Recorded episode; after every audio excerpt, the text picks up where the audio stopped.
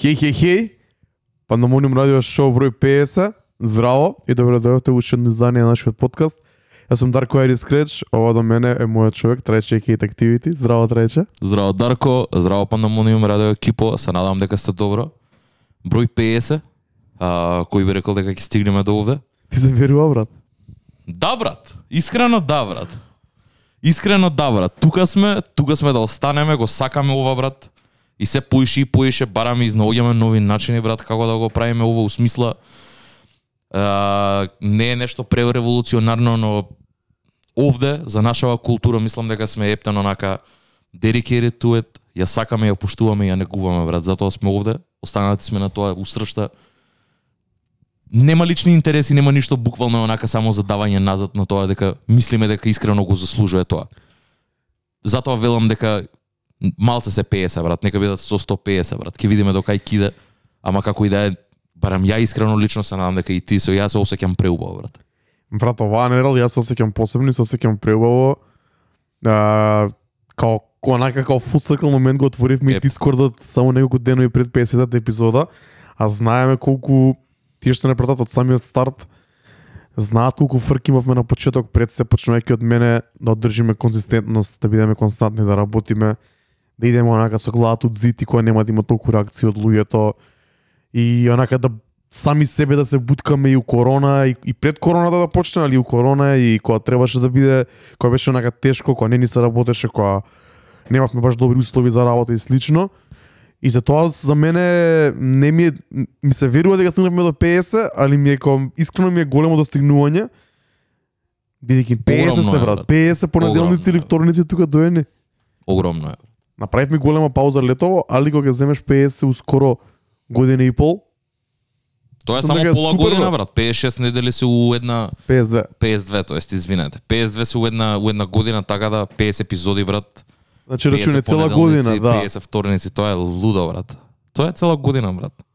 Тука сме да останеме како и да е брат. Се надам дека луѓето ќе продолжат да не да не следат и после 50-та, после 60-та ќе имаме дови ствари. Сега, кој што каже и Дарко, многу сме горди и многу сме среќни дека конечно го отворивме Дискорд каналот.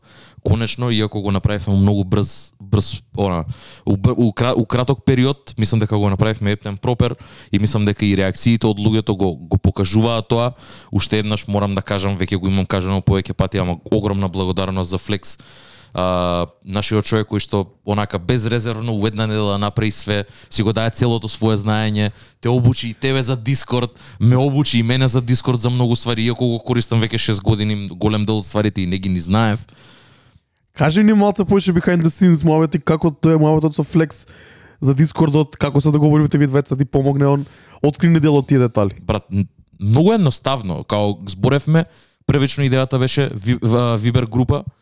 А, мене искрено тој дел не ми се свиеше, кој што кажав, и искрено го мислам тоа, не сакам не сакам да сакам да биде инклузивно за тоа. Вака на овој начин луѓе се заштитени, ме разбираш, доколку сами не си ги споделат а, сами не си ги споделат своите информации, некој никој не може да ги знае. Може да си идеш под алиас, никој ни да не те знае кој си и што си, да збориш и да си го кажеш своето мислење, брат. Што има и и cons, ама Нормално, ама фер, ме разбираш, може некој да не, не сака да, да, да биде знаен кој е. Седно. Од друга страна, а, овде отвара многу поише можности. И ја ги знаев тие можности, само што не можев ја да го доставам тоа на такво ниво. И затоа побарав некој човек кој што би бил модератор, кој што ќе биде меѓу нас, па и од една страна и главниот човек кој што ќе се грижи за каналот, ме Точно. разбираш, бидејќи ние можеби сме тука за да за да ги поставиме правилата и све тоа, но тој е човекот кој што ја контролира цела работа, тој е човекот кој што ќе има највише и за ствари ако на пример некој има некаков проблем, првично би било, мислам дека и луѓе првично би му се му се, би му се обратиле на Флекс неголи на нас, бидејќи и на крајот на денот и тој е нивен врсник брат. А од страна на Муабет брат, самиот човек ни рич аут ни тука бевме, баш се упознавме пред некое време после МКЦ се видовме. А, одличен лик, брат, одличен лик, сам рич наутна ми кажа, ќе направиме се што треба, буквално го крирав ја, само напишав име, направив некоја основна онака поделба, направив канали, направив све, ботови, све тоа друго, евенти, лайв рум, студио рум, све тоа е он, брат. Све тоа е он. Целата замисла, целата идеја ја направивме заедно, но огромен, огромен удел има Флексу тоа и огромна благодарност за него, пошто еден од ретките кој што така ептен скокна онма за да го направи нешто за да го среди на брзина и да го тера. Од една страна и тој каже, тој кажа дека ово го чекало ова цело време пошто и тој е огромен корисник на Дискорд, не само со не само со Пандамониум, значи неговото искуство и у други музички музички Дискорд сервери каде што се креираат кукапс, има продуценти, има артисти, го користи многу за колаборации и тоа и беше примарната идеја. Овде за да направиме бидејќи нас ни фалеше контактот со луѓето, ни фалеше интеракцијата, овде ќе може, овде веќе, ова е трети ден како постои Дискордот, веќе сме и буквално и overwhelmed онака. Буквално. Ја можам да кажам Дарко никад не пишувал толку, по цел ден куца на Дискорд ко лут. А, се осеќам ко на за сум, ти тоа е преубаво чувство онака. А, Интересно е многу има луѓе од различни од различни вакво сфери кои што кажав уште на почетокот брат тоа ништо не ни знаев дека ќе се дешава и буквално се потврди уште у првите два дена. Луѓе онака шараут Стеф мој човек од Америка се стаи и почна да збори и тоа е мој врст тој тој е наш врсник имаш помали луѓе кои што се 17 18 години има има има луѓе кои што се 20 21 Има и постари. 24 има и постари брат од нас така што топе ме разбираш као има од секаде имаш имаш имаш да прибираш онака и и knowledge и и што и да и Други перспективи. други, да, други перспективи, други мислења брат на стварите. Одлично, одлична ствар е. Три дена сме три дена сме на Дискордот и е феноменално така да дечки доколку сагате добра дружба у смисла некоја виртуелна за муабет правење онака за острење за острење ножеви и, и музички и музички takes и мислења дефинитивно приклучете се ќе има во секој епизода ќе има она линк до Discord каналот, ставете се, инсталирајте, достапно е на сите апликации, да, тоест на сите телефони и на на компјутери. Искрено за мене е многу боле да се користи преку PC него ли телефон. Многу полесно можеш да направиш реплај, да отвориш трет, да ставиш емоджи или как било каква реакција, но како и да е, мислам дека ќе тука ќе биде да остане брат. Први сме, мислам не не, не дека први онака у сервис се, има постојат и други македонски Дискорд канали, но е прв кој што обработува хип-хоп музика онака кој што обработуваме ние.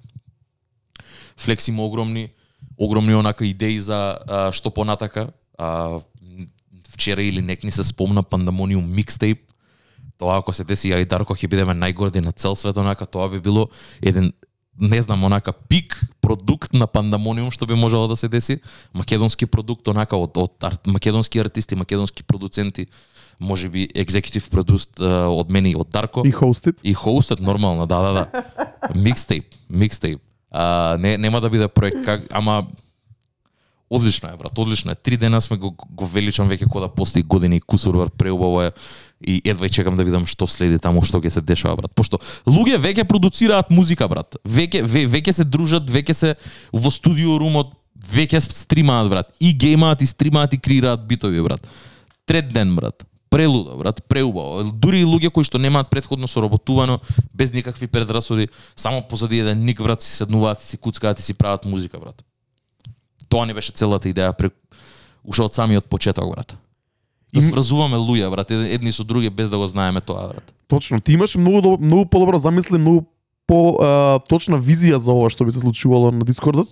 Не можев да го замислам баш така и искрено сум премногу изненаден и премногу сум како што кажете дури overwhelmed на моменти Overwhelmed од сите муавети што се дешаваат таму и сите ствари што се дешаваат таму и бројката на луѓе која дојде и бројката на луѓе која е активна, не само која дојде првиот ден кога отворивме тоа, него како вчера рандом се на, се сврза едно 5 Едно прашање ми 10 требаше теми. брат, само да поставам, да. И имаше многу добри коментари као четот демек се многу лесно се пали само една реченица ќе се пише Фер? и онака 10 луѓе враќаат у истиот момент со своји мислења. Фала ви многу за интеракцијата и за дружбата и за тоа што сте таму со нас. Јас се осеќам прв пат се осеќам вака од од од, како ја правиме вторава сезона на Пандамониум радио. Се осеќам кога да Знаеш како се осеќам кога да не сме направиле пауза, кога вчера да сме кога вчера да сме снимале предходната.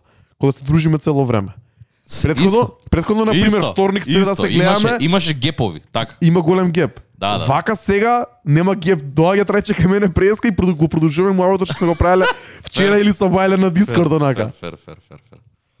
Фер. И тоа знаеш како и де- дека и многу други луѓе зборат брат, ке ако а, читаш, читаш и не можеш да се изначиташ брат. Има и многу кул ствари брат. Има луѓе што онака и стварно си на пример и си надвор од хип-хоп музиката многу о, она што имаат преслушано доста музика а, по поголем хоризонт на звуци општо на, на, на, на музичка естетика онака на soundscapes имаат во нивниот репертоар и тоа е многу добро брат. Тоа тоа те прави да да да бидеш онака добар па и не крити, критичар, едноставно да имаш добро мислење за музика, а ние сме тука само да го да го процениме тоа да се да се спротиставиме на тоа или да се сложиме со тоа. Е, ако се спротиставиме да кажеме зошто се спротиставуваме. И тоа и се дешава таму, на многу интересен начин. Има и смешки, има и све, има и мимс канал. Мимињата се тука. Дечко, Лас Вегас ни влезе у канал и почна мимиње да лупа колут. Ме разбираш до тој степен на работата, као до куќата се у куќата. Респект. Тоа е. Одлично е, брат. У прв, не знам, у првите неколку сати се приклучија околу стотина луѓе за неполни 24 сати, што за мене беше нереално. Не можев да си поверувам на очите, бидејќи никад не раб... н- као не сме не сме луѓе кои што гледаат бројки, ама као ме чудо не види како може од а, еден обичен само онака од еден обичен повик брат, ме разбираш дека Да. Discord каналот е отворен ништо посебно брат. Од еден обичен повик дека Discord каналот е отворен тие што сакаа влегува и тоа ми е најдобро. Нема нема pushovers, нема и брат влези овде, влези овде. Чисто е на to its own volition онака ако сака влези си и чувствувај се ти како сакаш да се чувствуваш во каналот. Отворено е за сите, безбедно е за сите. Некогаш можеби ќе добиеш flames за некој твој тейк, нема врска, тука сме онака го правиме на со почит, го правиме со Да. не го правиме за, за да се чувствуваш лошо. Нормално за да заради тоа е направено, секад има и ние тука се припукуваме цело време со Дарко, ама го правиме тоа на културен начин на на она со, со респект, ме разбираш. И сакаме да остане тоа така и во Дискорд. И тоа се дешава, брат, тоа е топ. Мислам дека тоа ми е најбитно. Јако начинот на комуникација малце понеформален од колку што, од колку што, што очекував јас да биде. Да. Сепак мора да се задржи тоа ниво на на респект и тоа ниво на почит на како прво другите луѓе, како второ мислењата на другите луѓе. Апсолутно, апсолутно. Како и да е, брат, јас сум онака воодушевен од целава ситуација, знам дека го направив правиот потек со ово. И многу ми е мило дека луѓето се служуваат бидејќи пак на крајот на денот се се се се, се а, се се сведува на нивниот фидбек од ова, брат, ме разбираш? Точно брат. И за луѓето е направено брат. За луѓето е направено, не ова не е направено за нас, ова беше ова беше само за нас у смисла као да можеме да стигнеме до вас да комуницираме со вас. А од друг аспект а, Discord каналот постои само за вас на еден начин бидејќи тука сме да комуницираме со вас, нови идеи, да да, да еве, дури дури колаборации, ме разбираш, дури нешто такво, до тие најкомплексните можеби ствари, тие да им ги даваме на луѓето на рака за да имаат можност и платформа. На крајот на денот Пандамониум е платформа за кој да што и да има да си каже, да се изрази како што сака, од секогаш сме биле за тоа и ќе бидеме за тоа. Не застануваме, секогаш само изнаоѓаме нови начини. А, Дискорд не е ништо револуционерно, многу луѓе го прават, само што а, мислам дека беше огромен чекор што го земавме ние да го направиме за македонска за македонската култура, брат. Мислам дека all in all феноменална недела имавме 50 епизода со ептен огр- огромен бум онака со нешто кое што префункционираше дури не, не, не ни бевме свесни дека ќе функционира толку добро. Да, Така да all in all ме јас сум онака пресреќен брат. исто. Преисполнет преупор чувство имам сега. Дојдов полн со енергија, наспан у 8 и пол сат, прво куцнав у Дискорд два-три пати, пратив три, скрон, три скриншоти, пратив едно меми и дојдов овде, брат. Едно кафе овде од на Дарко Јагото еспресо и спремен сум за епизоди. И еве веќе колку зборам? 4-15 минути. Да, да, да. Добро влезе, јако влезе. Брат, а, мене ми е многу мило дека толку луѓе се вклучи, мило ми е дека онака сами се се, се начнуваат темите и муабетот се тера многу спонтано и многу природно. Се надам дека тоа ќе продолжи во иднина. Се надам дека ќе се направи малце поголем ред само на муабетите да не се збори еден врз друг, али претпоставам дека тоа е тоа е така бидејќи сме уште нови, уште не се Да. постави, уште не уште не поставен начинот на комуницирање на работа и мислам дека ќе си ќе си легне тоа само да со време кога ќе поминеме малце поише време сите таму. Апсолутно. Исто така размислуваме за некои поинтересни настани, официјални како настани таму, како би можеле уште подлабоко и уште подетално да навлагаме некои теми и да даеме поголемо внимание, да не биде само туку така учетот, него да има малце поише тежина на некој начин. Most definitely. Uh, уште, уште едно ќе напоменам, така и ќе се надоврзам на тоа следно што сакаме да збориме со Дарко. Uh, на, сам, на самото отварање, иако многу луѓе него не дочекаа официјалното отварање во 9 вечер на недела, сите се стаја буквално уште у првиот пола саат од кога, уште од кога го ставивме линкот.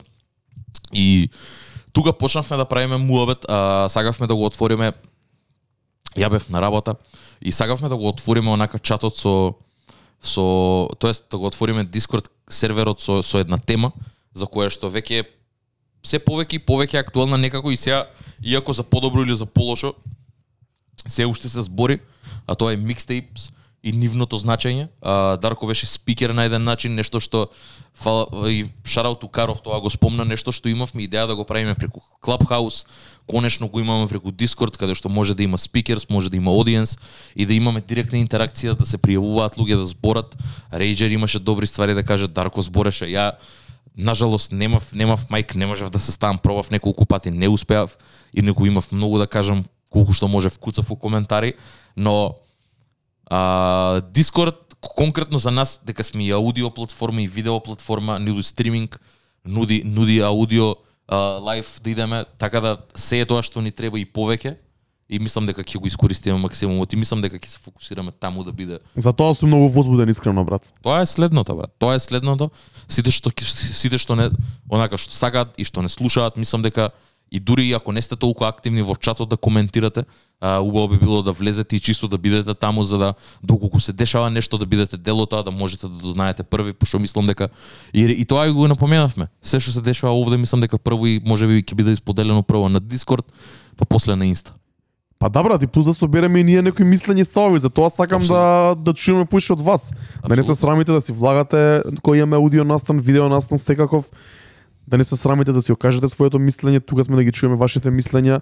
Јас си трајче после тоа на подкастот и на Инстаграм и сегде на нашите социјални мрежи ќе направиме како и да ги споделуваме нашите мислења и може да направиме еден онај еден финал, едно финално мислење и да споделиме некои други ставови од од целото пандамониум комјунити, но за да го направиме тоа мора да ги чуеме и вашите и вашите ставови се разбира аргументирани и издржани колку што може да бидат. И мислам дека добивме некои интересни моменти, Даме знаме се пушти и Рейджер се пушти заедно со Флекс и мене на на предавањето. Некои се зајабава и дека се сеќаат ко на ко на онлайн час. Фер. Фер. Може дојавме до тоа време брат да бидеме да бидам професор по вакво по хип-хоп. Може.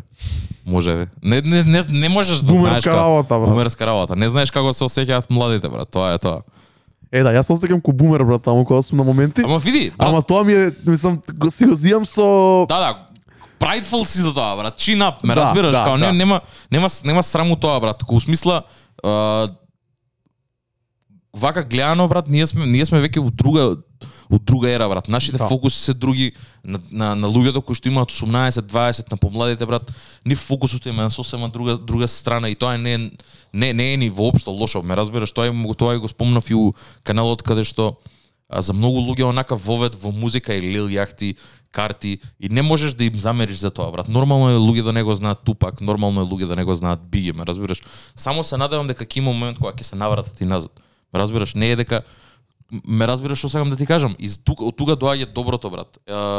Шарауту Джеди аеродром, а, тој тој тоа го спомна, сакам да сакам да слушнам зошто Playboy карти е тоа што е од некој што почнал да го да почнал да слуша музика од, од Playboy карти, ме разбираш, па натака. Да видиме што е за него брат, пошто ние ако сме почнале од Eminem, Eminem затоа ден денес уште ги му ги памтиме песните што сме ги слушале пред 15 години, ме разбираш. Така да има многу а, многу различни перцепции, многу различни вид, она гледишта, а, и затоа е затоа е толку добро брат. Затоа е толку убава ствар да имаш константна интеракција со луѓето кои што ја делат истата пасија, пошто ние вака сме пред камера, збориме саат и пол два и на пример и ги, ги споделуваме и луѓе на еден начин се поврзуваат со тоа што го кажуваме ние, но не можат да ни возвратат. Ова дава друга шанса каде што буквално и може и после епизодата да земе и да ни пише да ни пише во Дискордот и таму да продолжи. Брат, се надевам ме дека тоа ќе се случува. Тоа тоа Се тоа надевам дека тоа ќе се случува после секој епизода, дека ќе се раз, ќе се разврзува муабет за ние да ги објасниме подетално нашите ставови и Апсолутно. да ни дадат некои контрааргументи за нешто што не се слагаат луѓето со нас, бидејќи ќе има многу такви муабети сега, ни следува интересно лето, ни следуваат интересни ствари, нови музики и ќе ќе се дешава тоа сигурно периодов, брат. Јап, веќе знаеме од прилика тие луѓе барем што коментираат овие два дена, знаеме кои сме и што сме онака кај стоиме со музи, со музичките ставови и тоа е многу добро брат. Тоа е многу добро. А, каналот постои онака веќе кој што кажав три дена и секад нови и нови луѓе се појавуваат, некои се похезитан да пишуваат, да коментираат, но гледам дека се поиши, поиши си влагаат, онака си има веќе и луѓе константно кои што пишуваат. И сето тоа е нај најнормално за еден сервер, брат. Така треба да функционира и најбитно од се, не треба ние да пушуваме муабет, туку луѓето сами си си си си муабетат меѓу себе, брат. Мене тоа ми е онака најголемото достигнување каде што луѓето се анимирани и сами по себе со тоа што дај на име платформата и си ја користат тоа. Не им требаме ја и ти да ги почнуваме муабетиве за да има муабет од Дискордот, брат. Може би буквално сега, дури ја и ти снимаме, сега се дешава нешто во Дискордот, во Hot Takes каналот, ме разбираш? И тоа е најдоброто нешто. Пошто така са, тоа ми беше мене ис- искрено личната замисла и како ден 3 веќе е исполнета, ме разбираш? И се надам дека нема да прекина. Така да луѓе, приклучете ни се на Дискорд каналот, следуваат многу убави ствари, многу убава дружба, многу убави муабети. Со многу убава енергија пред се. Точно ќе има линк у description сигурно. Дојдете и проверете дружбата што има таму. Првите неколку денови е перфектна. Сега ќе ќе направиме као еден follow-up на муабетот кој што го почнати каде што ја не можев да при, присуствувам. Микстейп, нивното значење, а, како почнале, која била намената, што значи да биде микстейп и што е микстейп за разлика од албум, EP или што и да е, проект, ме разбираш. Прво, first and foremost, rest in peace to DJ K-Slay, а, буквално меѓу измеѓу, измеѓу моментот кога што Дарко го отвори Дискорд каналот, серверот со со таа тема за микстейпс и денешното снимање DJ Кейслей почина. А, бит, се бореше со ковид повеќе време. А, за луѓе што не знаат, DJ Кейслей е легендарен првично првенствено графити артист во 80-ти и после во во во рани во, во, во рани 90-ти станува онака проминентен радио Рад- хост, радио хост и радио диџеј 97. на Hot 97, а, каде што од таму почнува и со со журки, почнува со онака на улични улич, улични журки на улица, а, почнува негов свој лейбл Street Sweepers, а, има одлични колаборации, уште во раните раните времења онака има колаборации, има врсови од Kanye, има врсови од Fabulous, има свои микстейпи The Street Sweepers, кои што исто така во поглед на можеби на Њујорк онака се легендарни, бидејќи таму има там бидејќи во Нью Йорк било онака дури и Кање иако е од Чикаго, Кање бил во Нью Йорк и творел, па уште тогаш те малце полокално било, бидејќи Кање во тоа време во 2001 2002 работел онака со Джейзи многу блиско работел со Джейзи, не бил толку многу познат. И добиваш врс онака како Кейсле еден од првите луѓе што му дава шанса да се стави на врс. Така да легендарен легендарен диџеј, легендарен хост, легендарен радио диџеј кој што дефинитивно има останако оставено дамка. И последно, не знам дали ти го знаеш, а, имаше една последна песна која што и, имаше 110 рапери на неа. Го знаеш тоа? Не се сеќавам. Дека извади тоа, тоа беше во 2019, не беше нешто многу познато. Би сам постојат веќе повеќе такви примери, нели имаше и едно од Hudson Mohawk кај што е кај што настапуваат преку 40 и кусур луѓе онака. Ова е уште со 110 рапери, онака буквално има ги имаш од се и свашта брат. Се и свашта предолго е, ја го не сум ни успеал искрено да го изгледам до крај. Вчера пак се навратив онака, ама интересно е дека тоа може да го направи само некој таков диџеј брат. Тоа тоа тоа може да го направи само некој таков диџеј, таква личност, но иако иако е на пример сега може би тек сега после неговата смрт важен е за културата за тоа што го прави бидејќи во тоа во тоа време неколку биле брат. Тоа се DJ K-Slay, Kid Capri, uh, Фак Flex, DJ, Да. DJ Clue. DJ Clue, DJ Drama. Добро, збориме за Њу Йорк е една ствар, DJ Да. Драма репрезентира нешто. Да, апсолутно. Ама Нью Йорк и неговиот микстейп ран е онака легендарен, а, пошто ден денес постои нешто ко микстейп микстейп рапери брат. Ден денес се шиткаат на Кенел Стрит цедиња брат. Се уште има онака што ги вадат од раници и ги шиткаат брат. Hey bro, listen to my mixtape, 10 Да. долари цеде. Се уште го има тоа, постои таа култура ден денес. Мислам дека кога збориме за DJ Кейслей, мора да спомнеме и 50 Cent. Ја искрено прв пат го слушав името Кейслей на песна на 50 Cent во времето кога бев млад, кога слушав Eminem, кога слушав 50, G-Unit. DJ Кейслей е еден од првите кои му даваат шанса на 50 Cent. И 50 Cent имаше многу убава порака пишано на, на социјалните мрежи. Не само 50 Cent, него сите. Почнувајќи од нас и многу други сите да дадоа огромен респект за Кейслей. Според неговите пријатели со работници, он е еден од најзначајните луѓе за хип-хоп културата и цел живот има враќање на улиците, враќање на културата, се што има направено, има направено за хип-хопот. 50 Cent е еден од луѓето кои се пробиваат, добиваат баз во Нью Йорк и малце пошироко преку рапување на на микстейпи на DJ Кейсли, баш имаше 50 нешто пишано дека уште се сеќава како снимал тој версот на ке, ке, ке него кујната демек. Бевме ке DJ Кейсли у кујната и таму го снимав версот. Не се сеќавам како се песната на некој old school 90s бите, али таа се смета за едно од нај најјаките песни на 50 и едно од најдобрите прикази за неговите лирички способности како рапер. Уште пред да ги извади албумите.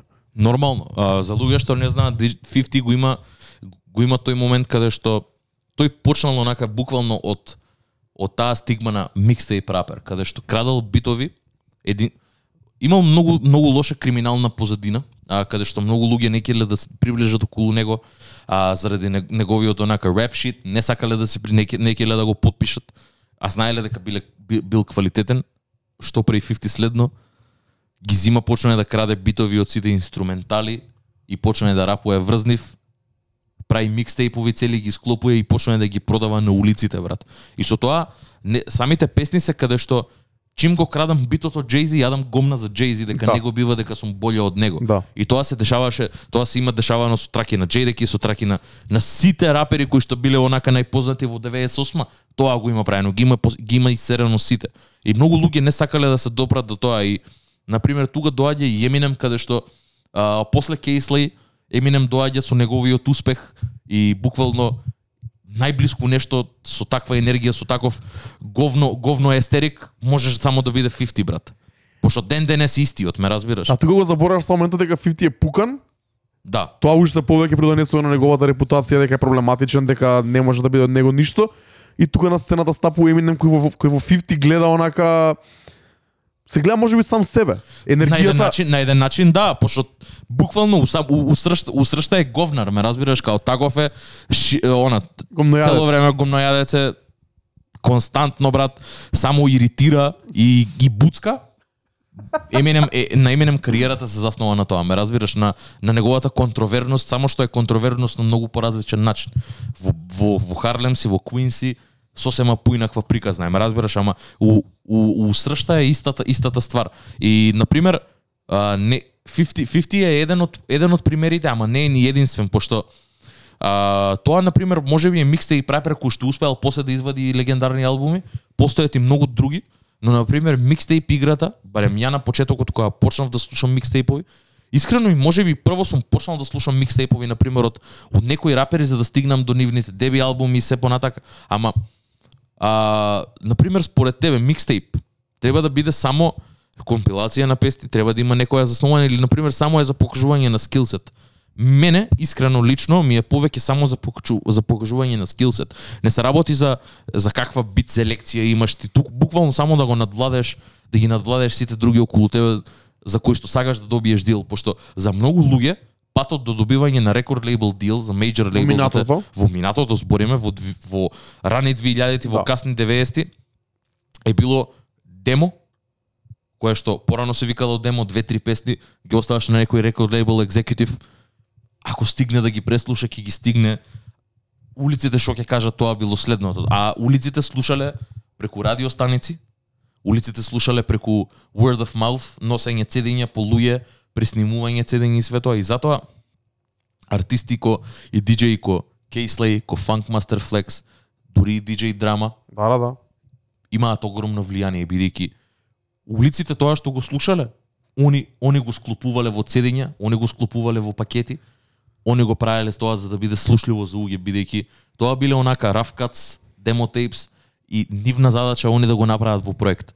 И тоа е уметноста на еден микстейп, затоа што кога ќе кажеш микстейп, нормално е да биде rough, нормално е да биде онака, нормално е да има hard cuts, да има некаде онака нешто што не ти се спојува, да се вокали превисоки, да премногу да пиштат, hi-hats да пукаат, Да. кикот да не е направен кој што треба, ама тоа е тоа е бидејќи артистот немал време да го направи тоа, ме разбираш, ова е да се покаже неговиот лири, она lyrical ability да се покаже да ја каже неговата приказна, да, да, да ја каже неговата прича, да да се види дека може он да дека е способен да да рапува, ме разбираш на крајот на денот.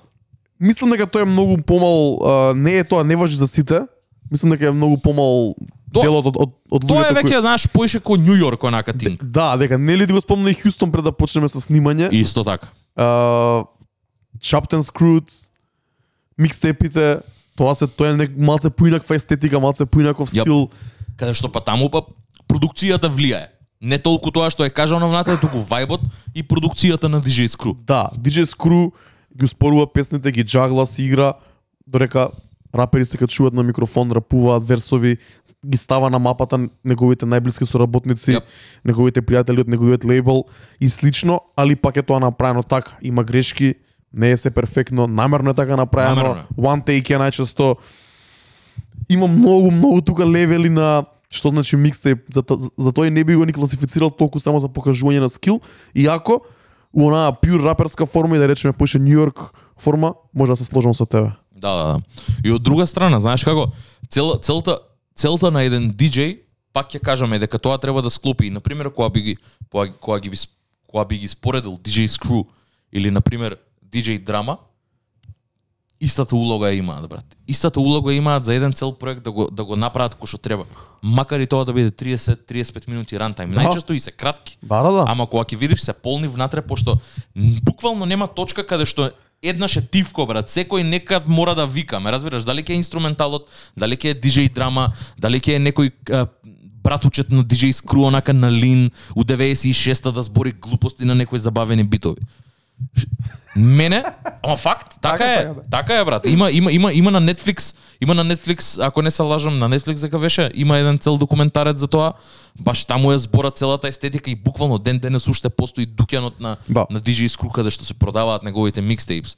И тоа е вистинскиот хасл. DJ драма го имаат рейдано онака од FBI, Rico Act му имаат спремано за Kingpin, за музичка дистрибуција, пошто се тоа што го правил било нелегално и само луѓе пробувале да се борат со него, бидејќи имал цела индустрија на, на музика каде што имал 90.000 копии кај, кај него устани кој знае колку распродаени, тоест у студио, и кој знае колку распродаени по улиците.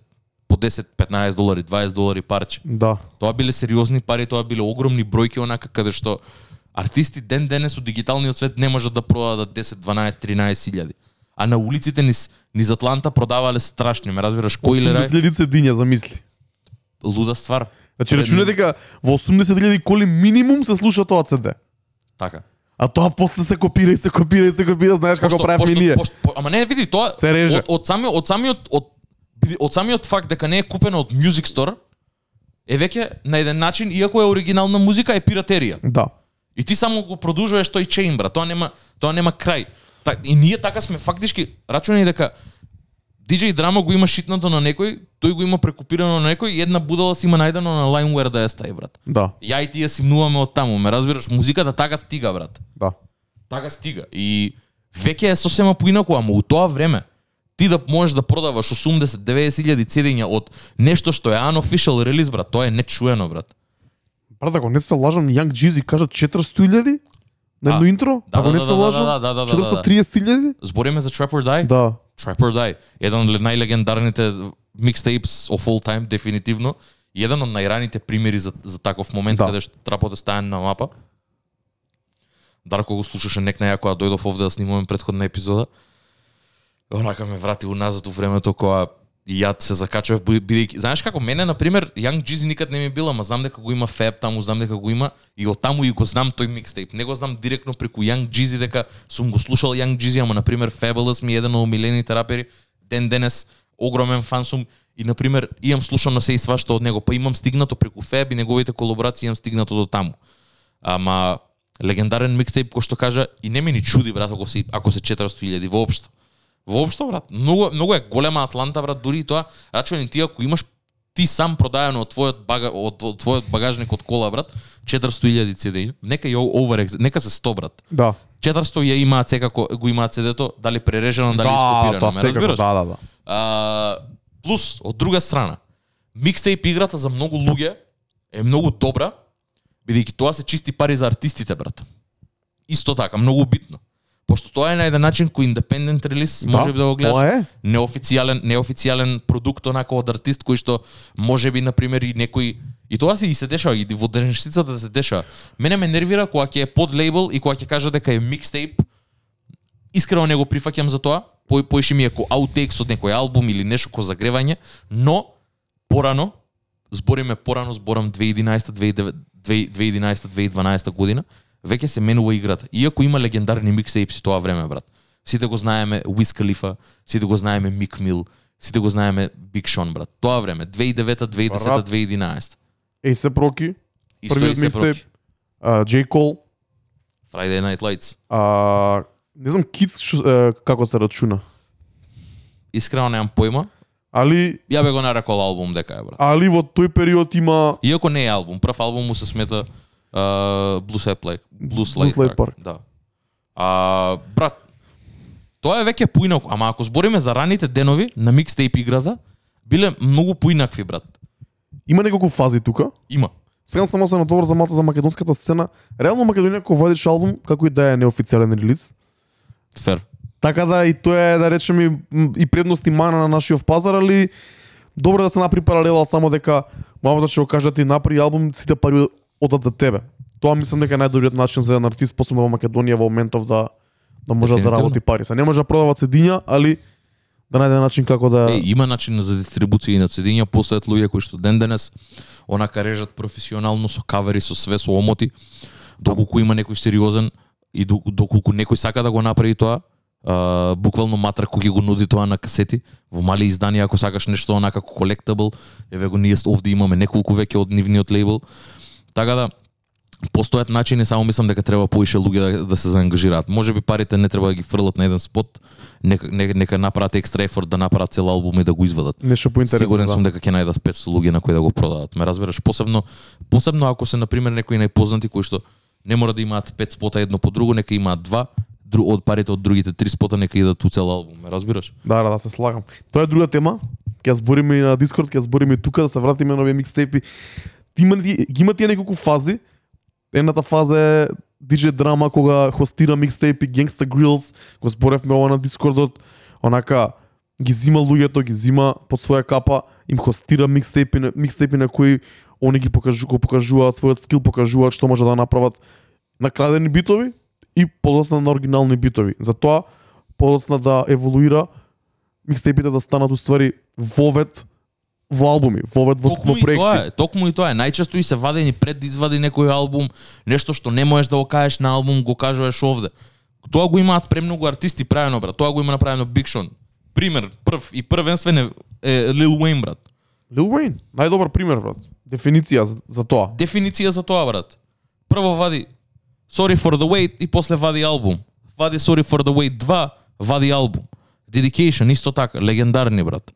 Со тоа што дури и понекогаш микстеповите се поуспешни него ли самиот албум, брат. Па да брат, дека се ро и uncut, дека луѓето сакаат Тоа е, брат. Дел од луѓето сакаат да слушаат радио синглови, разводнета работа со работки со непознатите артисти. Дел од луѓето сакаат да слушаат брат вистинско срање. Нормално. И, например, знаеш како? Тоа е многу добро дека артисти се понашаат многу поразлично во, во начинот на, на кој што рапуваат, стварите за кои што рапуваат, нивната тематика, нивната продукција, брат. Буквално од самиот факт дека ова е микстейп, не, и, например, не е дека не треба да биде не треба да биде а, сериозно сватен. Баш напротив, треба да биде сериозно да. сватен, пошто овде тој пробува да постигне нешто сосема поинако него ли тоа што го посака да го постигне со албум. И затоа, на пример, ја не се сеќавам кога последен пат сум ислушал официјален албум од Fabulous, ама Soul Tape 2 ми е константно на репит. Подобар пример нема, брат. Ме разбираш? Подобар пример нема. Има рапери кои што ги бива на микстейпс, има рапери кои што ги бива на албуми, брат. Има рапери кои што ги бива и на двете. И тие се малце поредки.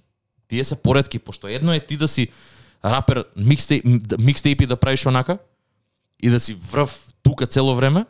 Soul Tape 2, брат. Не, не постои друг пример. Сите Soul Tapes брат. Нема, Сите, сите. нема- Двојката Fabulous, мене ми е умилен, брат. Ама, ама, ама Soul Tape 1, 2, 3. Како и да е. Тие се три легендарни, брат. Мислам дека тоа е Сите ги сите го памтат Fabulous по тие, брат. тоа сакав да А се кажам. извадени од 2009 до 2013. Да. Сакам да кажам дека тоа е нај А Fabulous постои од 2001. најсјајниот момент во кариерата на Fabulous. Така? А Breathe, легендарна песна, Just Blaze на бит, у времето, у најакото време кога искача Blueprint Cats од 2004 година, имаш ти бит од Just Blaze, добиваш таков пласман у 2004 и искачат легендарен хит.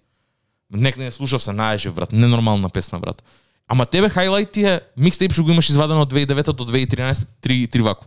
И тоа онака Го имаш у 2012 го имаш J. Cole у своите почетоци Луи Витон трагата, едно од моите омилени. На мене тоа ми е едни од омилените гостувања на J, на J. Cole усва. Jay Z реков, извини. Не, не, Джейкол. J. Cole. Uh, J. Cole, Луи Витон, едно од омилените, брат. Не знам, има премногу моменти кои што на микстейп, на микстейп моменти, многу поише ми се свиѓаат артисти него ли. И тоа не знам зошто, мислам сваќам зошто е тоа така, брат. Тогаш, тогаш онака зборат за работи кои што не можат да ги кажат на албум. Не се, валјда не се оправдани од лейбл, пошто овде има и многу проти, проти притисоци. Мора да ја разбереме, мора да, ја- да ја разбереме таа цела политика на музичката индустрија, брат. Не сите артисти имаат слобода ко Кендрик Ламар да прават што сакат или да или не знам, се проки да, да, да експериментира со својата музика, брат. Некој некој им е кажано унапред како што треба да одржуваат. Волку Radio Singles вака треба да испуни. И тоа беше случајот со J. Cole. Sideline story беше директно тоа. Да, Friday Night Lights, микстейп, одличен, легендарен. Фанови имаше премногу веќе и доаѓа Cole, Cole World, треба, треба, треба да направи албум, му викаат дека мора да извади три радио синглови, да има една љубовна песна и уште две-три песни да се најдат кај што ќе можам да се избори тоа што го збори. Албумот беше флоп. Иако албумот беше флоп за неговите вистински фанови кои што го слушаа во микстейп деновите. Но за, за, за тебе Enough беше фаер, за мене Да. беше фаер. Да. Две- да, нереално, ме разбираш. Workout Workout. феноменални, ме разбираш. Мене ми се свиѓа и сите други. Ама ја у тој момент веќе почнав да го слушам и Дрейк, и да го слушам, да ги слушам и сите тие нови артисти и затоа ми беше прифатлив Джей Коли и од таа страна, на неговата мека страна, за после со Борн Синер и да се се врати да си го најде патот. Ама многу луѓе не го наоѓаат патот назад ко Джей Кол што го има најдено, туку остануваат заробени у тоа. И бараат аутлет, ме разбираш, бараат аутлет да го да го направат. Најчесто микстейп е микстейпот е the way to go, брат. Каде да што ќе бидат онака ќе ќе биде стаен на Датпив и тоа е тоа, ќе биде стаен на неговиот YouTube канал без никаква без ник, без никаков контракт. Нема ни да има заработка од тоа, ме разбираш дека на пример а, еве конкретно Chance, Chance the Rapper брат. Немаше никаква заработка од ниту еден стрим, ни, ниту од еден view, бидејќи беше онака само пуштено фриби за интернетот, за за светот. Acid Rap беше пуштена и, и стана легендарен микстейп, брат. Кажи колку високо го, го крена него на на тој пиедестал на ден- денес нов да не може-. И ден денес да не може да го достигне тоа. Ден денес не може да го достигне Не тоа. може, после тоа не може. Ово е, ово е интересно, значи последниот таков многу интересен микстейп ран се дешава околу 2011, 12, 13, кога До 2013 би рекол дека завршува, да. Кога Пошто- уствари добиваме најголема креативност и тоа го збориме поише пати, се јавува некој нов бранд на сцената и новите артисти го покажуваат тоа што го знаат. И, Пак повеќе беше преку шоукейс на микстейп. повеќето од нив се покажаа преку микстейпс. Детройт микстейпот брат. Гуап, ја која ја чув, Гуап брат се онесвестив брат првиот пат. За луѓе што не знаат, збориме за Big Sean брат. Тоа му беше првиот проект кој што онак прв... не е ни проект микстейп кој што беше онака како окей да видиме човеков, не ни беше good music овде во ништо немаше во план, Пред разбираш, тоа, да. тоа уште тоа беше уште пред тоа. Friday Night Lights го спомнавме. Rich Forever, Rick Ross брат, пошто иако Rick Ross веќе имаше неколку хитови, тој се уште мислеше дека требаше да се докаже брат. MMG го почна, MMG, MMG Volume 1, 2, 3 исто така.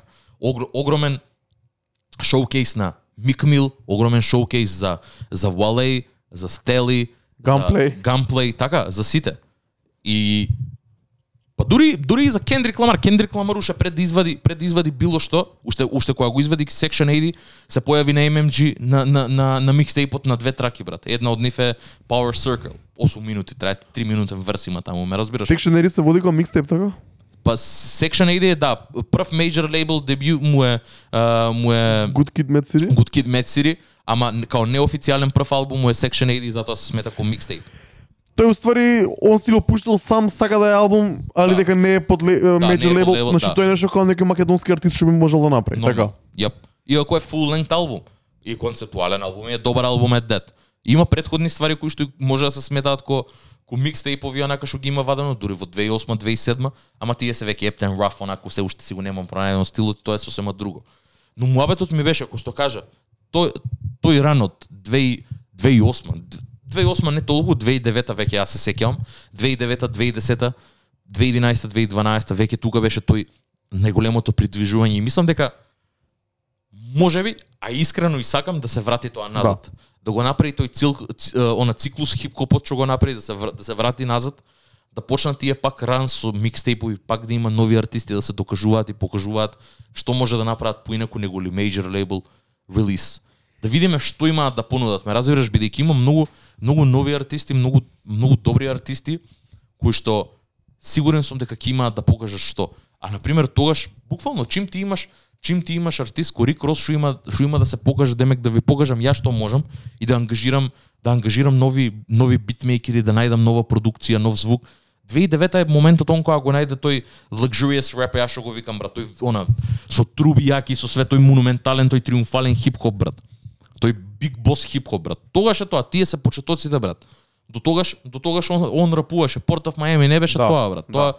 беше сосема друго. Тој беше Мајами некој звук Мајами стар, звук, да, да, да. некој таков. И Многу брз. Да, и тоа е 2009 брат, 2009 постои Rich Forever онака песната што со Дж- Джон Леджанд брат феноменална. Мик Мил брат, Dream Chasers. Ден денес е е, е најсим најс, најсимнуват она најсимнан микстейп на Dat Piff. Ден денес број некаде околу 5-6 милиони downloads. А е изваден кој 2 Не знам брат, 11 12 12 2012 бит, вали 2011 или 2012. А веќе беше подпишан за MMG. Што значи него му требало посебен вакво со неговиот некој саб лейбл што го има Dream Ch- Chasers да извади микстейп за да се покаже и овде. И на крајите се погоди и после му се појави Dreams Word More Than Money. Не, ако не се лажам, се извади но тој албум и таму се појави песната. И тоа имаме заборавено дека сега се присети дека голем дел од синг, ако успее некој хит на микстейпот се наоѓа после добива Точно. official release date на, Точно. на, на, на албум, брат. Точно Тоа брат. беше случајот со интрото. Dreams and Nightmares после се најде на неговиот деби албум. Така да микстейп, ко микстейп со својата срж, пак ќе кажам се буквално с она а, да се артистот да се покаже он што може без никакви обврски кон било кого. А после тоа све што следува после таму веќе си има притисоци, си има продуценти со кои што треба да соработува све тоа. Ерич Кор, мислам дека микстејпот е ептен онака кај што еден артист може да шајне. Е, ај сега кажи ми како тоа се пресликува на македонскава сцена. Дали мислиш дека луѓето треба да вадат во кои случаи треба да вадат и како треба да се однесуваат кон овие нови а, не, не, не е тоа нов, него како треба да се однесуваат да ги третираат различните а, поднаводници типови на проекти и начини на вадење на музика. Искрено, кој што каже и тоа ти беше многу добра поента дека овде нема големи лейблс кои што вршат притисоци, кои што никој не им вели на артистиве дека ти мораш да извадиш хитови, брат. Тоа е се на свој акорд онака како на пример дури ако си А, може би, на пример, еве, реално да правиме муабет, ако си дел од, на пример, Горила ТВ екипата, може би да носи некоја одредена етикета, некоја одредена, вак, некоја одредена, а, како се викува, етикета, звук, она, естетика, ме разбираш? Ама, ако правиш па искрено нешто поразлично, не сум ни сигурен дали уопште ќе ќе ќе успееш да влезеш таму. Така да, од, од аспект на тоа дека ако погледнеме на пример а, ако погледнеме рекорд лейбл ко Dreamville или ко TD, каде што имаат многу различен спектар на артисти, овде овде не постои тоа. Така да секој секој артист е сам за себе и веќе имаш тотална слобода што сакаш да правиш. Овде у Македонија е обратно каде што артистите сами си се ставаат у, у, у тие она граници, сами се лимитираат себе си каде што мислат дека а, морам вака и вака, а инспирацијата мислам дека е многу поеднодимензионална каде што само се базира на артистите кои што тие ги слушаат. Разбираш, сакам да видам ко, ко тој и тој. А истото важи и за продуцентите каде што и само ги реплицираат битовите кои што ги слушаат од од најпознатите продуценти во тоа време или или тоа што нив најмногу најмногу им се свиѓа во тој момент. И постои момент за микстейп, ама а, најлесно и најлесен одговор би било на пример доколку веќе работам на проект, ако имам Лусис, да ги соберам во еден проект и и тоа не е лошо ако е ако е за некаква најава за нешто. Но, на пример, ако ако си ти а, секси Марса, ќе го земам за пример, и на пример си викаш Аби, ја можам да рапувам на пример, да бидам по сакам да бидам посериозно сватен на пример, имам ја што да кажам, не дека Марса нема што да каже, го земам само за пример. Било кој артист, на пример, е поише во во она поденешната музика, помодерната, користи трап битови, користи трап продукција. И си велиш сакам да бидам посериозно сватен за можеби за некој повозрасен да, да си кажам имам ја што да кажам настрана од ова ќе направам брат, го имаме слушаното Марса Као рапо е на све живо и диво, брат. Знам дека го може тоа, ме разбираш. Доколку и постои желба за тоа, може да го направи тоа, ама тоа нека биде искрено, тоа нека биде пошто сака да докаже нешто спротивно. Марс ќе го направи тоа на Марс Тейп и едва и чекам заради тоа, само чекам да се деси тоа, ме разбираш. На еден начин вали и затоа се вика Марс Тейп, брат. Еве, Марс Тейп нека биде пример за тоа. Ја има таа есенција малце на микстейп тинг. Така? Да. Го имаме слушното во целост. I'm all for it. Марса е тука меѓу нас, го сакаме и двајцата другарнија и мислам дека да, ако ако ако ако онака прв миксеп, тоа е на пример каде што Марса пробува ствари и не се плаши од тоа. Си го носи тоа на грб, онака си го зема и едва и чекам луѓе да, да, да го чујат и да видат што мислат, да, шо, им- да, да видам што имаат да кажат. Пошто а, барем ја не се сеќавам на друг пример каде што онака артист пробува нешто друго. Ама да докаже со нешто со тоа, ме разбираш, не е само да експериментира, туку да покаже дека го може ова. Као сакам да покажам лирика, лирика дека имам. Ќе направам 5-6 песни, ќе ги склопам, ќе ги извадам. Чисто да луѓе да видат дека можам ја ова да го правам, дека не е само дека не сум заглавен. Затоа затоа сакам да го чујам Затоа сакам да чујам артисти код Таско, сакам да ги чујам овие луѓе во кои што примарно рапуваат за за флекс, примарно рапуваат за други, да чујам и други муабети од нив. Не е од тоа за да за за не знам да да, да се усрамат дека нема туку сигурно имаш нешто и ти да кажеш. Ме разбираш, таа другата страна да ја видиме. Нека не мора да биде извадено на на твојот мејн канал. Креирај нов канал, креирај алтер его. Постојат многу начини како да го направиш тоа. Можеби конкретно нема толкав простор во сршта кој што се микстейпс таму во Америка на пример, во за нивната култура. Нема простор во таква форма овде, ама секако на некаков начин ќе најдат простор каде што на пример ќе можеш да покажеш нешто друго, друг вид на продукција, да покажеш дека имаш и друга страна на тебе, дека не си онака само ова. Не знам дали убаво го објасни или не. Убаво го објасни, супер го објасни. Ја мислам дека има паралела, брат. Не е ко американската, ако светската сцена, но има голема паралела која може да се повлече, баш поради тоа бидејќи македонски артисти најголем дел вадат сингл по сингл, спот по спот. Знаеме сме го збореле ова сто пати онака, не ми се ни збори више моментов. Мислам дека микстейп е нешто што е материјал кој треба да се направи и да се пушти во оптек, во аудио формат, во било каков формат, закачен некаде, да чуеме што имаш да кажеш. Не мора да се перфектно, не мора да се добро. Преска спомна, ако се работи на проект, ако има Лусис, мислам дека најголемиот проблем е што артистите поголем дел од нив работат онака една песна ја завршуваат и тука завршува нивниот она завршува една песна и одма гледаш оди прави на таа песна. Никој нема спремно 7, 8, 10, 15 песни направени или скоро направени за после да може да одлучи еј ова ќе го правам вака, ова ќе го извадам вака. Него се се прави од една за од една за па после следната. Да. Една песна се работи, се вложува многу голем труд, се вложува многу големи напори за тоа. Се вади и после тоа треба уште неколку месеци да се извади следната. И следната и следната. И многу време поминува, песните застаруваат, идеите застаруваат, звуците застаруваат. Не е тоа тоа. Јас мислам дека за македонскава сцена, посебно за траперите, посебно за и за тие што се попознати и за тие што не се толку познати, микстеп е правото страње да се извади музиката, да се помине низ процесот на вадење на музика, да се истестираат различни работи. Искуство апсолутно. Искуството, кавер, треба да се измалтретираш, ќе ти касне дизајнерот со каверот, ќе се нервираш, ќе научиш како да ги ставаш песните на Spotify или на YouTube или било кај, ќе научиш како да комуницираш со луѓе, ќе треба да на нас да ни го пратиш, ќе те викнеме тука да разговараме, ќе ги искутиш некои работи за прв пат. Ако ти чекаш Ако ко- постои шанси, ако со Дарко вибрира, Дарко ќе те викне на настап. Све тоа, ме Кога разбираш? е, кога- кога е првиот, кога е првиот момент да се извади албум или проект, онака? Секогаш првиот првиот момент да се извади Да. проект, кога кога ќе бидеш спремен за правење, кога имаш направено поише музика. Посебно у простор каде што и не се вада толку често проекти. сакам да кажам и посебно Сега да твој момент да го направиш тоа, ме разбираш? Као, нема артист кој што ќе дропне у истиот ден со тебе, нема кој да ти го земе тој шајн, ме разбираш? Е сега ако се срамиш дека ќе има можеби 100 views на песна или 500 views на песна, тоа е Тоа друг што е проблем. твој проблем, брат. Тоа што е твој проблем. Тоа е твоето его, брат, што Треба да има што те 500 турка, views, тие 500 views, 20 луѓе да се навлечат на таа песна или да, да, да, ти станат кор фанови, ти си добил многу поише него да не извадиш песната воопшто. Фер. Затоа ти велам. Има емисии кај што кај што имаме 50 views, има емисии кај што имаме 600, имаме емисии кај што имаме 200. Ништо тоа не значи, брат.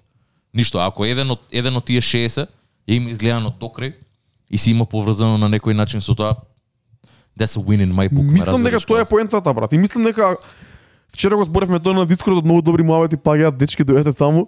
А, ако правиш музика за views и за популарност, боле уопште не прави. Да, да, тоа си lost cause си уште од самиот почеток, брат. Изгубен случај си уште од самиот почеток. Као views come and go, брат. Никој нема да те памти за година и пол од, од моментот кога имаш извадено песна, ме разбираш као Ама плюс Тоа е. види, ги најголемите артисти, брат. Дрейк на една песна има милиарда views, на едната има 100.000 views. Не е проблем, брат. Мора да има една песна. Не можеш сите песни да се најголемите хитови. нормално. А за тие песни што не се најголеми хитови, Најчесто луѓе се најмногу држат за нив. е така. Фер. И тоа е корфан базата. А на корфан базата не и треба спот. Да, ако можеш да направиш спот и ако сакаш да изведеш како сингл, да. Фер. Ама брат, музика е, аудио формат. На крајот на денот музика е музика, не е Да, нормално. од толку многу глупости што се прават, од толку многу социјални мрежи, од толку многу е, спотови ово на крај ќе се сведе пак се исто како што се случи со подкастот, на крај пак се сведува се на пјур формата само на аудиото. На крајот е битно дали песната ти е добра или не ти е добра. Онака, на страна од сите други Само тоа останува. глупости што се оп, оп, Само тоа останува, само тоа се памети. Кога ќе слушаш винил брат, гледаш кавер и слушаш звук, нема друго. Јоп. А збориме дека и винилот се враќа, збориме и не знам, не знам, некако многу се возбудувам за оваа тема дека стварно нека на било кој артист Сагаме да, да, да се смени тоа у Македонија. Да, било кој артист да се да, да го следиш во животот. Еве, ако не се лажам брат, Раста има извадено има извадено микстейпи порано во историјата. Мислам дека и сега вади некој проект, не знам дали е микстейп или албум, ама не ми звучи дека е албум бидејќи има и дрил, има и некои такви работи. Као еве, ако се огледуваш на Балкан на, на балкански артисти, еве гледај ги тие артисти. Така? Го немам пратено на Раста искрено, не, не знам, појма- може би може би ќе и ја, ама ама Ама било кој, еве ги пратиш британските артисти, Central C, не знам кој. Ги зборевме, Дрейк, Кендрик, сите имаат таков материјал во својот живот. нормално. Значи Кендрик има изваден албум кој се вика Untitled и кој нема ни наслови на песните, нема ни спот, нема ништо. Само има датуми е- кога се снимани. Тоа ти е пример брат, значи не мора да е, не мора да е спот, не мора да е сингл. Го пушта така, многу луѓе го сметаат тој за еден од најдобрите албуми, така? Еј. Феноменален албум. Ако навлезеш у него, феноменален албум. Значи не ти треба тука, ако музиката е добра, ако музиката е срање и ти тебе ти треба две женски кола за да ја продаеш песната, нема никаде да ја продаеш, И брат. колата не е твоја. И женските не се твои. се разбира. God damn. Shots fired. Ама фер, брат. Е, потполно се слагам. Дете ни музика да слушаме без разлика дали е микстейп, без разлика дали е EP. Со тоа што е микстейп само му се дава шанса да биде послабо, да биде полошо, да биде не толку официјално, да може да се направи кикс. Не дека на албум не може да се направи кикс, ама Ама таму можеш да дава го дозволиш тоа, брат. Ме Дава слобода да правиш буквално што сакаш, да земеш Да, бит да, да. друга песна, да направиш ремикс, да направиш соработка со некој артист со кој инаку не би направил онака. Музика, правиш музика и вадиш музиката да ја слушаат. Ако нема, ако има нешто по-пјур за еден артист тоа да го направи, е па не знам. Порано кога се дружев јас со многу луѓе кои има беа во бендови, кога си во бенд е тотално нешто друго, брат. Ти треба многу проби, ти треба многу поскапа сесија да се, да се сними тоа, да се измикса, да се испродуцира како што треба, да се извади. Со бенд е многу покомплицирана работа. Нормално, тоа се веќе тројца, четворица. Бевме, бевме сведоци како продуценти во млади прават битови за пола саат, онака го прави битот. Нереално. На Дискорд. Уште еден ден да напишеш текст и уште еден ден да се среди песната, за два и пол дена тебе песната ти е готова. Ту. Зашто да не извадиш надвор? Толку. А и чувме добри ствари што треба да се извадат надвор. Зашто да не извадиш надвор песната да стои? Мислам дека ти го праша, зашо стои ова вака? Зашо? Која беше песната тоа со Rager и со Flex? Ако не се лажам. Да, да, да. Го- праша зашо стои. Тоа е брат, треба музика, треба да се вади, треба да постои онака некаде, пошто не знаеш за кого и како и кога ќе удри брат. Тоа е цела Точно работа, брат. Тоа сакам само да го кажам за крај на оваа тема. Земете примери од македонските трап лордови, синката и праската. Они Фер. со хипер продукции, со хипер е, како се вика она, е, со, со многу со Брат, ке се успеа на, на крадени битови, ме разбирате како има албум што се вика Крадените, кан Битовите се крадени од артистиве кои што ги слуша, брат, и тоа се негови верзии, и брат. се боле од од на Kodak Black и на Тоа е, брат. и на Чивки И верзиите брат. стануваат хитови, брат. Ама брат, колку музика имаат извадено они? Ако ги ако ги броиш песните колку музика имаат извадено брат. Да, да, да. Уште да. од самите почетоци, уште од многу кучки муслиарат Уште од пред, уште од пред тоа на кучката каса, мислам дека беше прва песна на синката. Јап. Има фристайлови. И она MC со MCM Неси, како и да се викаш она друга. они тогаш вадеа спотови, после извадија два албуми. Синката има еден албум кој се вика Македон. Македон. Има едно EP кој го работеше со Мики и со Джои Джо. Јап. А, има сега извади исто проект. Јап. Значи цинката усвојата Меѓутоа константно песни вадење. Без и со спотови. Значи Спотовите која беа исто така не беа со жени и со коли, туку беа Да, нешто друго, нешто уникатно, направено, да. нешто уникатно со многу добри спешал ефекти. праската до, до ден денес вади One проекти брат. Army, брат. До ден денес вади EP ово она. А, сега беше последниот овој трап фип, трап FIFA мафија. Ако чуете како како Плюс- реагираат луѓето на песните како Риги и како оној ремиксот на Кудрич.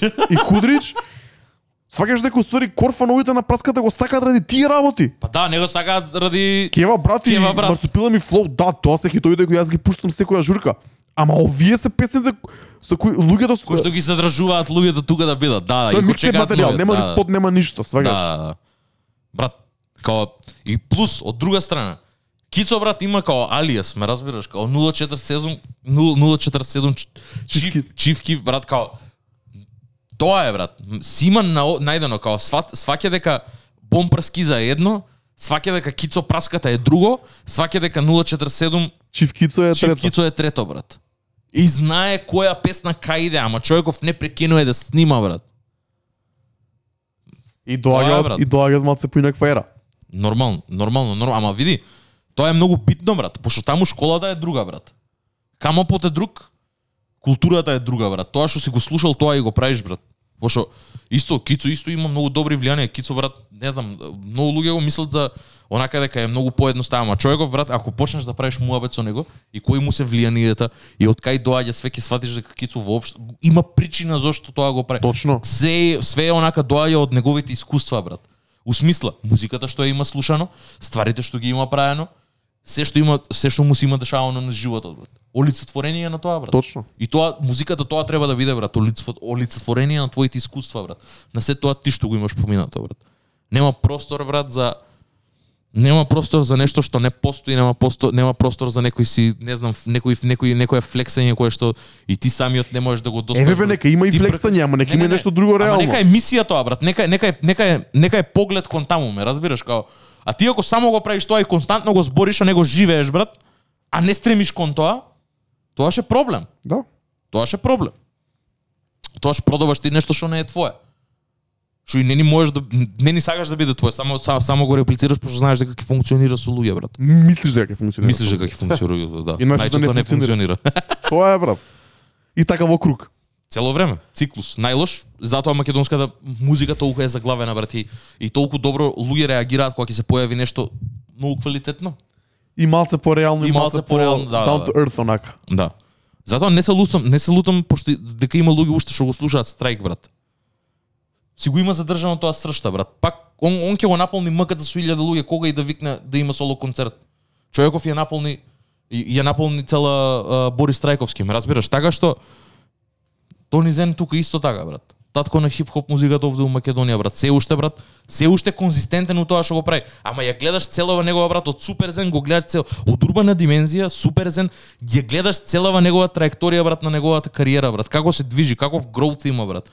Не може, брат, сега да ти збори, брат, Тони Зен за, за пички и за коли, брат. Ме разбираш, као од... 20 години ги има направено. Ама не, не, не, нема врска, човеков го проживеал тоа, брат. Имало момент кога го збори тоа. Ти ако така. имаш брат 35 и уште ако збориш за тоа, ме разбираш, и ако си го правил исто пред 15 години, тоа е сосема друга, брат. Тоаш или го живееш се уште тоа, или само си закачен на тоа од предходното, сакаш да го сакаш да го копнеш тој фил, брат. Добро брат, ама сега ти сега да се пребациме на следната тема на пуша ти. Ајде. Ева сега пу- пуша ти го збори истото брат. Ајде. Уште збори за кило, за кој кило, кој кило ги продава сега. Немој сега вакви муабети да правиш брат. Ќе го ќе видиме албумот. It's almost dry. Види. Може би ќе прекине. Може, ама Брат, не не не не не, чекај чекај. имаше пише на наслове брат, бегај таму ајде. Не, не, не, не, не, не, не, не, чекај, чекај, чекај. Пауз. Значи вака. Човеков, албумот му се вика It's Almost Dry, искача на 22 април. А, буквално пред пред да почнеме да ја снимаме, а, искочи и трак лист трак листата. Не знам дали е официјална или не, се уште, но врз основа на тоа што, што видов, а, веќе кој што веќе постои Neck and Wrist и извадена, таа Coke е извадена. Таму гостуваат Jay-Z, го- гостува Фарел на Neck and Wrist. Потоа има соработка со Kanye, има соработка со а, Kid Cudi, тој заедно се натрака. Значи има, е, После бифот има една посебна кања, има една кања Да. Cudi. и го има Lil Uzi Vert со Don Toliver, брат, исто на исто трак. Тоа ќе биде интересно. Тоа ќе биде многу интересно. Очекував малце поинаква ствар, ама а, у смисло него очекував Lil Uzi да го видам на на на T албум и ми интересира стварно као genuinely ме интересира што ќе биде тоа брат. А уствари со името брат, ја не знам, не ја не, не знам како да го протолкувам брат. It's almost dry, не не знам што значи брат. Како у смисла што што се што останува суво, што се празни. Може би брат, у смисла а, и он сам си има кажано, брат. Он затоа си го зима времето со неговите албуми дека I, I drop every once in a blue moon, као на неколку години искачам, брат. Се појавувам на неколку години фрлам албум. И си стои искрено тоа. Тоа го кажа во Unbelievable 2015 сега сме 2022 тоа е следниот албум, ме разбираш, као после, после Daytona. Добро, да. А што што беше седум траки. И ќе видиме, ќе видиме што е толку суво, кој што станува толку суво, дали дали е неговата желба за хип-хоп, дали пошто од друга страна по го имаш тој момент каде што сака да го врати брат му и да го да, да, го, да ги врати клипс да извадат барем уште еден албум. Тоа ако се тоа, тоа ако се деси, тоа би било лудо. Ги видовме 2021 беше година кај што успеавме да го видиме а, да го видиме на Умелес да се врати два пати. На Умелес ќе го има и на овој албум, значи клипс се враќаат и на на на, на новиот пушати албум. албум. Иако не се пише нико клипс, пишано е пушати featuring No Malice. Ќе видиме. Ќе видиме, не знам, стварно не знам и а...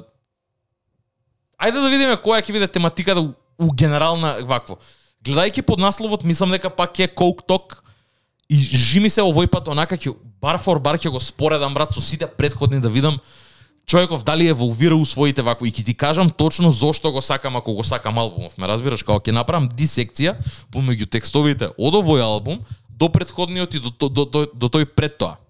Сакам да видам како и зошто и како како, како еволвира еден артист ко пуша брат, која на крајот на денот неговата тематика е таа.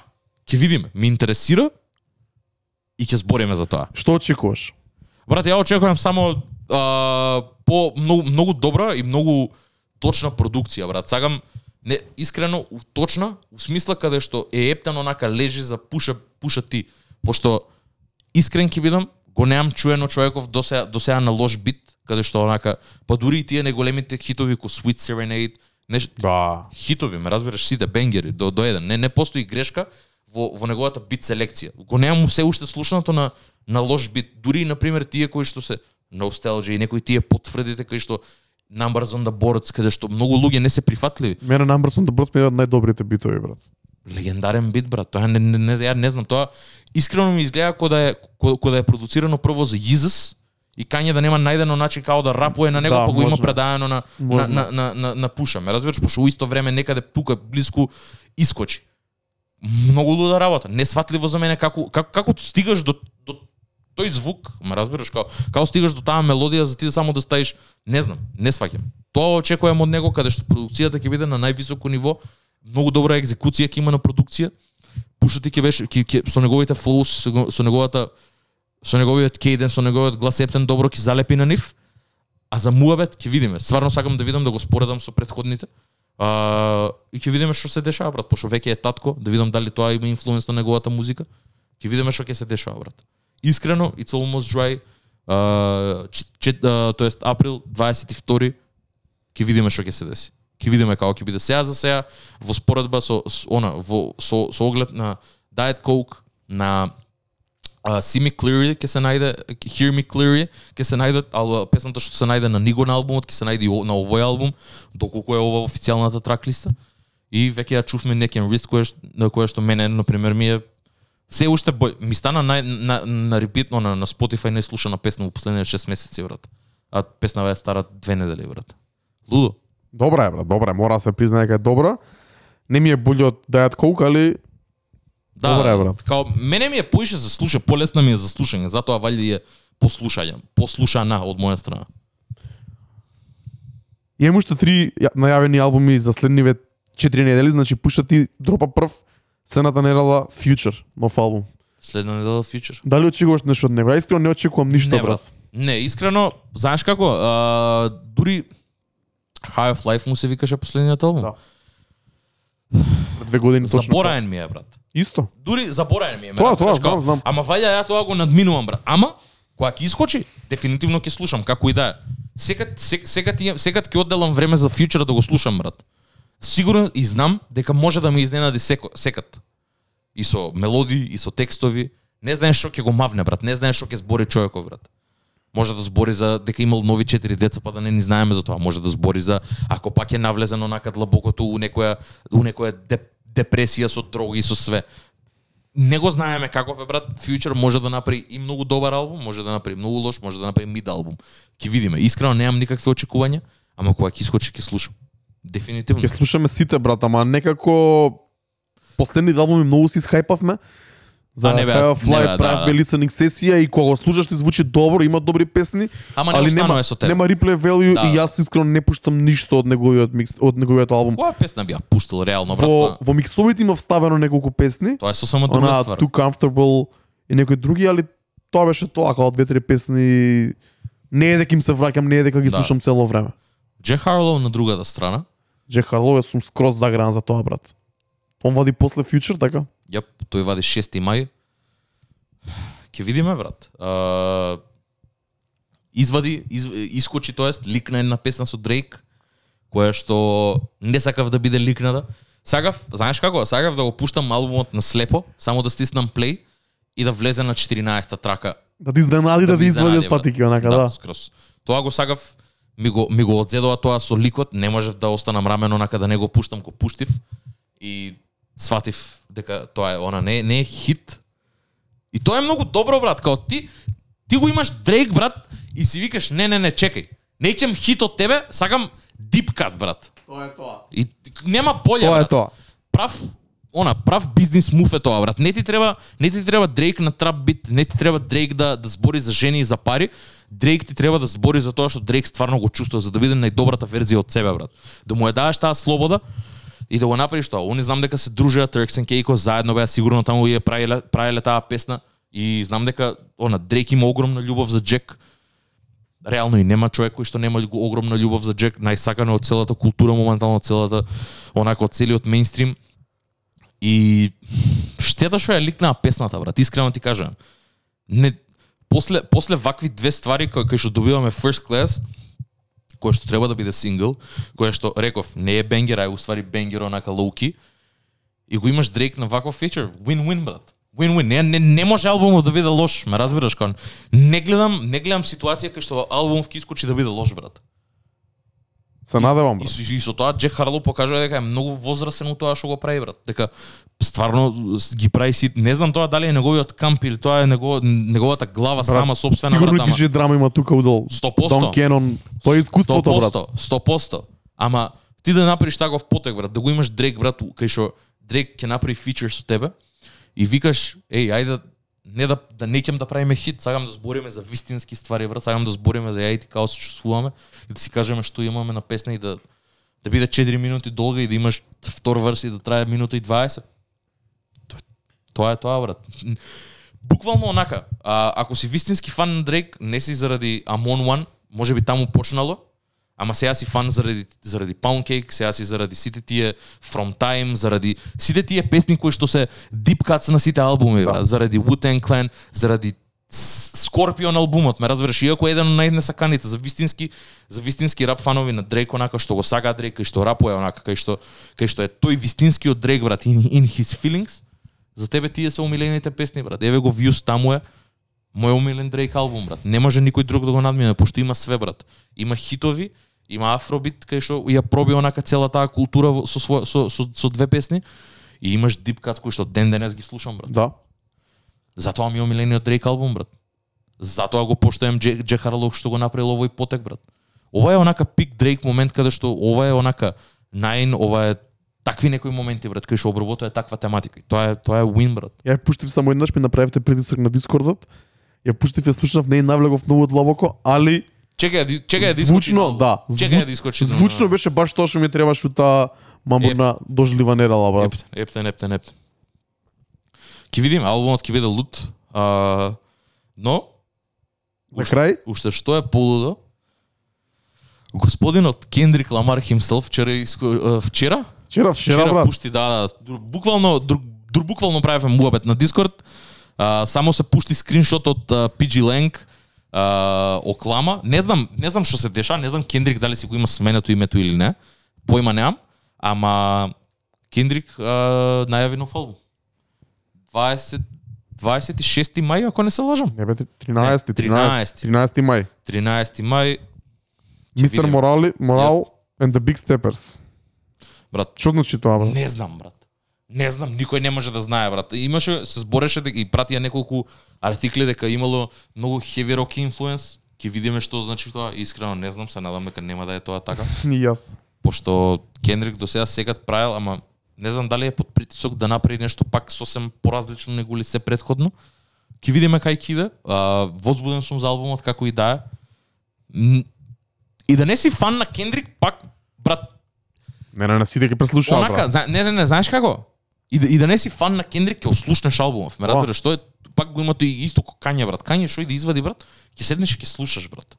Така е. Ја колку и да не го сагам ни Донда, брат, као Не, не, седнеш ќе ослушнеш. кога дропна Кање усред недела, брат, рандом онака, застана светот, мислам дека. Нормално. Тоа сам и ова ќе биде исто така, брат. Само што еве веќе ова е планирано, го најави, буквално човеков зема а, не знам, зеде некој твит брат од од од февруари брат, кај што пише Kendrick is official retire точка и зима quote прави на тој и само го става линкот дека се враќа и дека мај 6 а, 13 вади нов албум. Ќе видиме. Не знам што да очекувам искрено и тоа ми е убавото за Кендрик, пошто не сакам да знам што треба да очекувам. У смисла не сакам да видам од кај влече инспирација. А, ќе видиме што ќе знам дека што и да е, ќе биде уникатно. Не, сигурно Знам ќе дека ќе биде квалитетно, брат. И после тоа, после тоа следува интересното, брат. Пошто ова му е последниот албум каде што вади по TDI, брат. После тоа е со одврзани раце, брат. После тоа е заедно у цела клапа со Dave Free и со Baby Kim, брат. И со новиот артист, нормално. Тена. Ќе видиме што ќе биде, брат. Ќе видиме. Многу ми е интересно. Ова морам само уште на брзина да го спомнам. Гледав малце ствари од Коучела.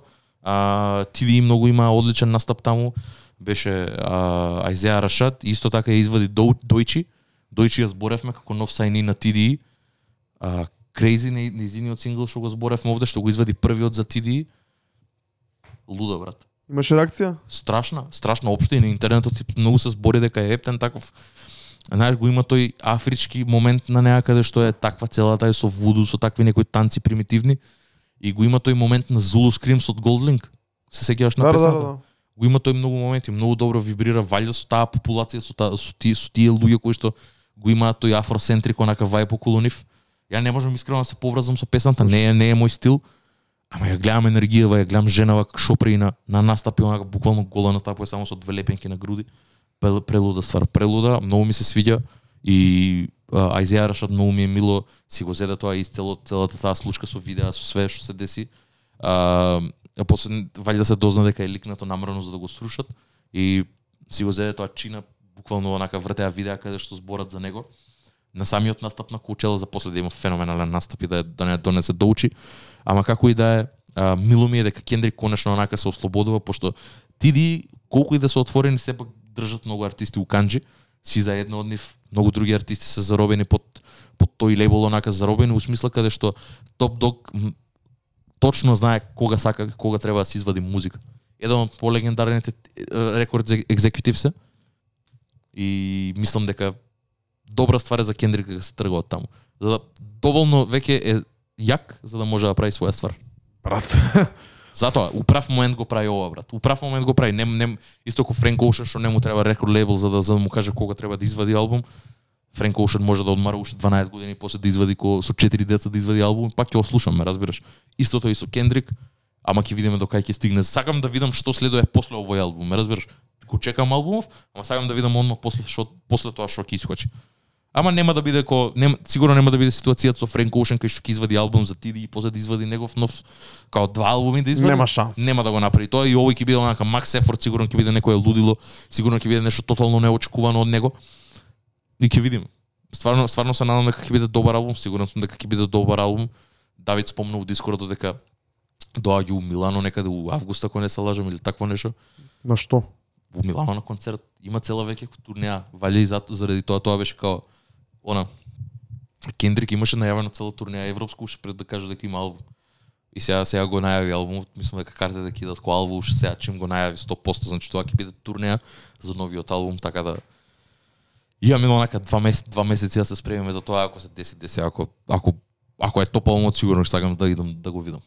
Ќе видиме брат. Има не не уште не остана уште многу време, како уште 2-3 недели се упрашање. Доаѓаат добри ствари, доаѓаат четири нови албуми за кои што онака сме спремни да ги слушаме и да ги избориме. Дискордот е тука. Управо време го отворивме. Дојдете, придружете ни се. Мислам дека секој петок ќе биде лит четот со Апсолутно. со коментирање нови албуми и спреме некои други интересни ствари како најава за самите релиси, така да следете на нас и на Инстаграм и на Дискордот и приклучете ни се, ќе има линкот во description, ќе има линкот кај нас на Инстаграм.